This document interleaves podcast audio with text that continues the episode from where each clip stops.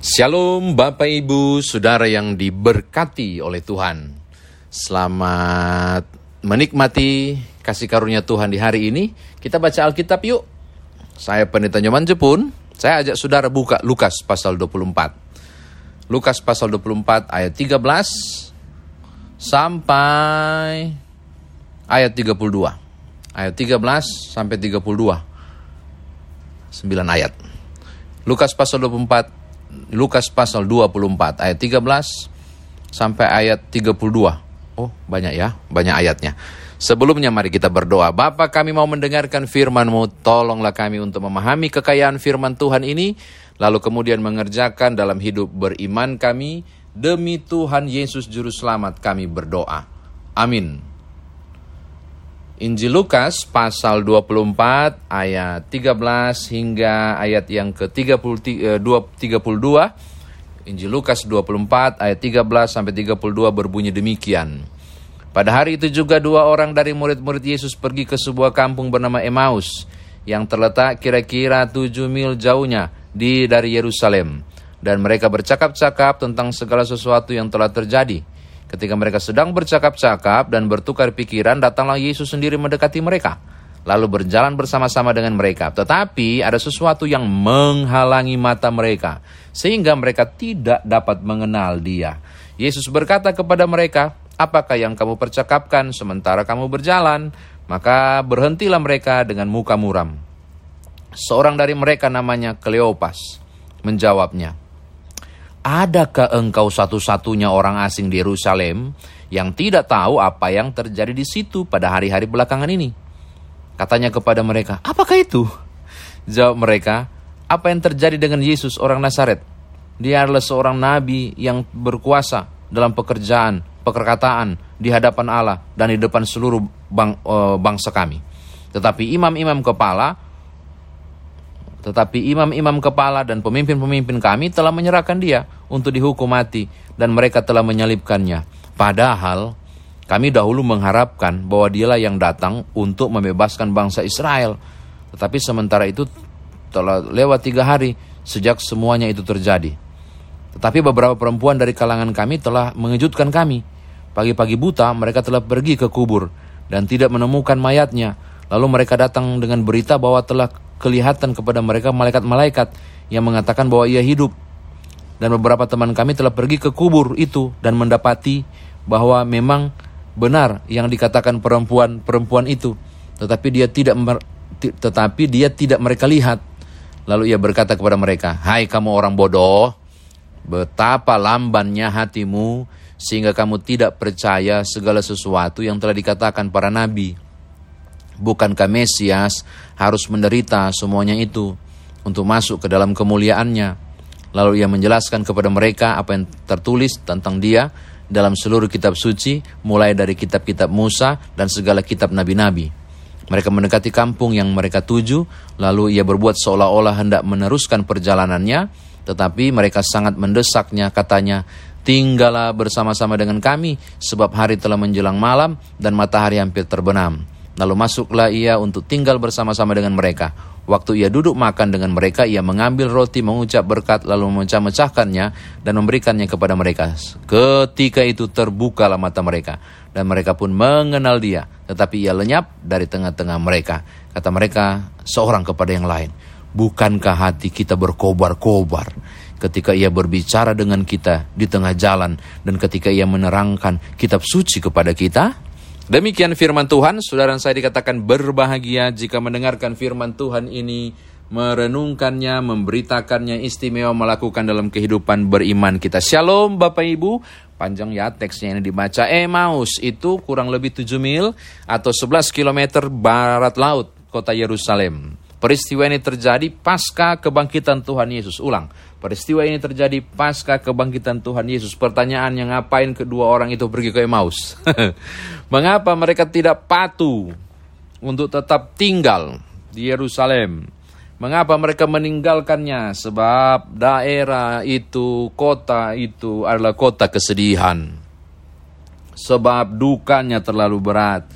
Ada kepahitan di sana ada kegetiran, ada tragedi, ada sesuatu yang sangat mengerikan yang ada dalam kehidupan mereka. Tidak heran Alkitab berkata di ayat 15, ketika mereka sedang bercakap-cakap dan bertukar pikiran, oh bukan bukan bukan. Ayat 16, tetapi ada sesuatu yang menghalangi mata mereka sehingga mereka tidak dapat mengenal dia. Kepahitan ya.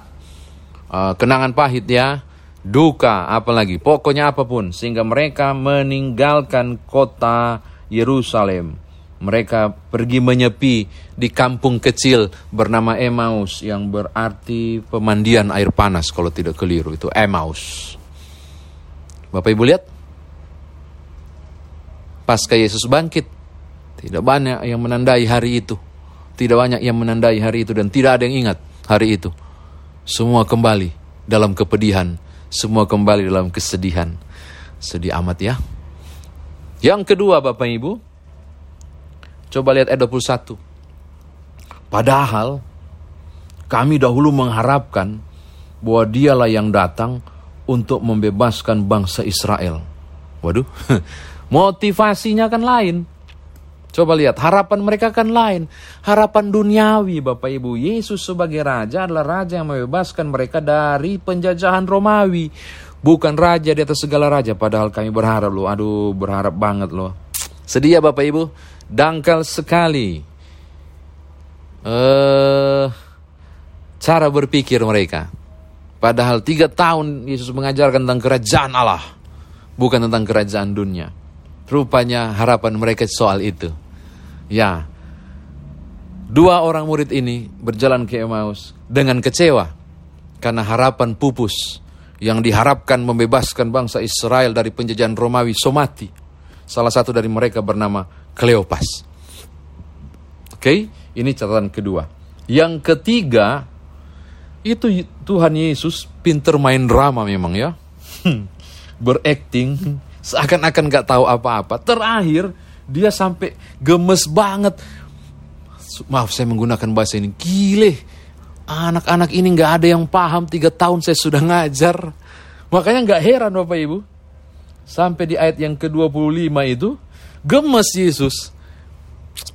Ngeri, tidak ada yang merekam semua apa yang saya ucapkan. Sampai Yesus harus bilang, Lalu ia berkata kepada mereka, Hei kamu yang orang bodoh.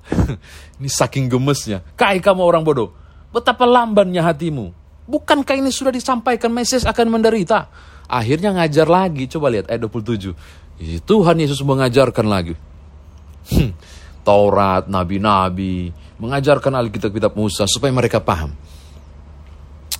Jadi lamban, bodoh, apalagi berarti apa itu Bapak Ibu bicara soal pemikiran yang nggak sama. Saya nggak tahu mengapa mereka tidak paham, tidak paham tiga tahun pengajaran itu.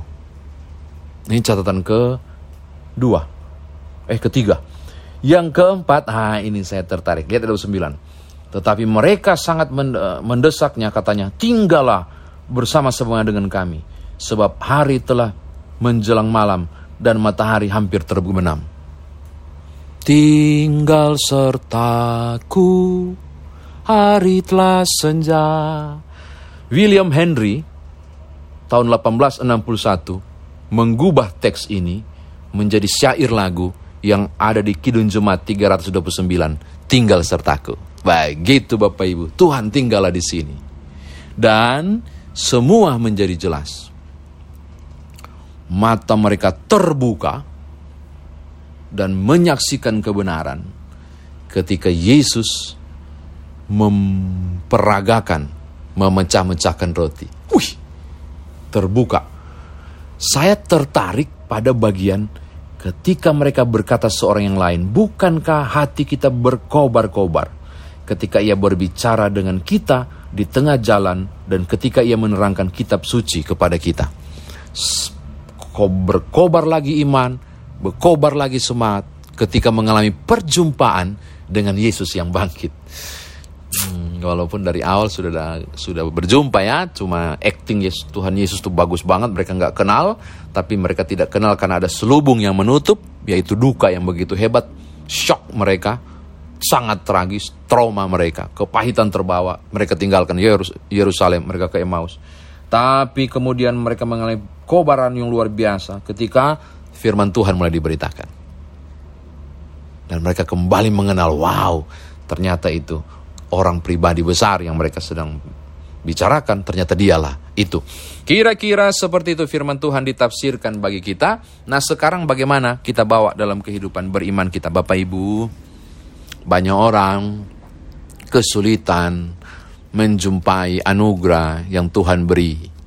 Banyak orang kesulitan memandang kemuliaan Allah, banyak orang sulit mendekati dan merasakan kehadiran Tuhan, bukan disebabkan Tuhan tidak hadir, tetapi ketakutan lebih besar, khawatir lebih besar, kepahitan begitu kuat, membuat orang menjauh dari Tuhan. Padahal Tuhan mendekatinya. Coba lihat, mereka meninggalkan Yerusalem, Tuhan dekati mereka. Mereka meninggalkan Kristus dan panggilan itu meninggalkan Yerusalem, justru mereka didekati oleh Tuhan. Ini yang pertama Bapak Ibu ya. Kita acap kali tidak merasakan kehadiran Allah. Karena kita mundur. Mungkin karena kekecewaan. Coba saudara lihat ayat 21. Padahal kami mengharapkan. Ini udah buntu ya. Kami mengharapkan sesuatu ternyata tidak tidak mencapai seperti yang kami harapkan. Rasa kecewa, hati-hati saudara. Tuhan tidak bersalah Bapak Ibu. Keadaan yang membuat saudara kecewa bukan Tuhan. Situasi yang membuat saudara kecewa bukan Tuhan. Pasangan hidup saudara barangkali yang membuat saudara kecewa bukan Tuhan. Jangan marah ke Tuhan. Sahabat saudara, pekerjaan atau apa pun, rumah tangga saudara. Jangan menjauh dari Tuhan. Kalau orang lain mengecewakan saudara, jangan Tuhan jadi kambing hitam. Hmm, saya bilang begitu ya. E, penting sekali. Itu yang pertama. Yang kedua, saya tertarik dengan namanya. Nama orang itu adalah Kleopas. Dan saya penasaran siapa satu itu. Ku cari-cari nggak dapat. Walaupun beberapa orang berusaha untuk meng, menyebut namanya, saya tidak menerimanya dan tidak mau menyebutkan siapa nama orang itu walaupun beberapa penafsir sudah menyebutkan. Saya hanya setia pada teks, teks bilang cuma Kleopas dia punya nama. Lalu Tuhan Yesus bilang bodoh kalian, lamban kalian. Jadi saya mau mengatakan syukur nama itu nggak disebut, cuma Kleopas. Terus satunya siapa? Satunya nggak disebut. Satunya itu mewakili Bapak Ibu dan saya. Ada Kleopas dan ada satu, yaitu saya ada Kleopas, dan itu ada, satu, ada lagi satu, siapa itu? Saudara. Yang tidak disebutkan namanya. Itu mewakili Bapak Ibu dan saya. Yang mudah khawatir, mudah kecewa, takut, lamban. Lamban Bapak Ibu, maaf pengguna katakan bodoh kata Tuhan. Karena kita melihat kepentingan kita, saya berharap dialah yang membebaskan kita dari cengkraman, kuasa yang luar biasa, dari Romawi, tapi ternyata tidak. Saya mau katakan ini kepada saudara. Yang tidak disebutkan namanya, itu mewakili saya dan saudara. Orang-orang yang hanya melihat lembar terdepan, sampul buku, tidak mendalami isinya. Bukankah Mesias harus mati, kata Tuhan. Sudah dijelaskan kepadamu. Ya, mereka mewakili kita. Ah, Bapak Ibu Saudara, ini penting untuk disampaikan. Acak kali kita sulit melihat kenyataan dan menerima kenyataan. Lalu lari dari kenyataan. Ini hal kedua.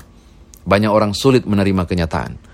Lari dari kenyataan. Meninggalkan Yerusalem menuju ke Emmaus. saya mau katakan hal yang kedua. Ini realita. Yang tidak disebutkan nama itu mewakili saya dan saudara. Ketika saudara kecewa. Karena keadaan Kenyataan begitu pahit. Hadapi kepahitan saudara. Hadapi kenyataan saudara. Jangan lari dari kenyataan.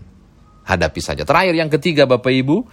Ini kisah menarik sekali ya. Lalu Tuhan Yesus kemudian memecah-mecahkan roti. Dan hati mereka berkobar-kobar. Semangat akan kembali membara jika kau mende engkau mendekatkan diri kepada Tuhan.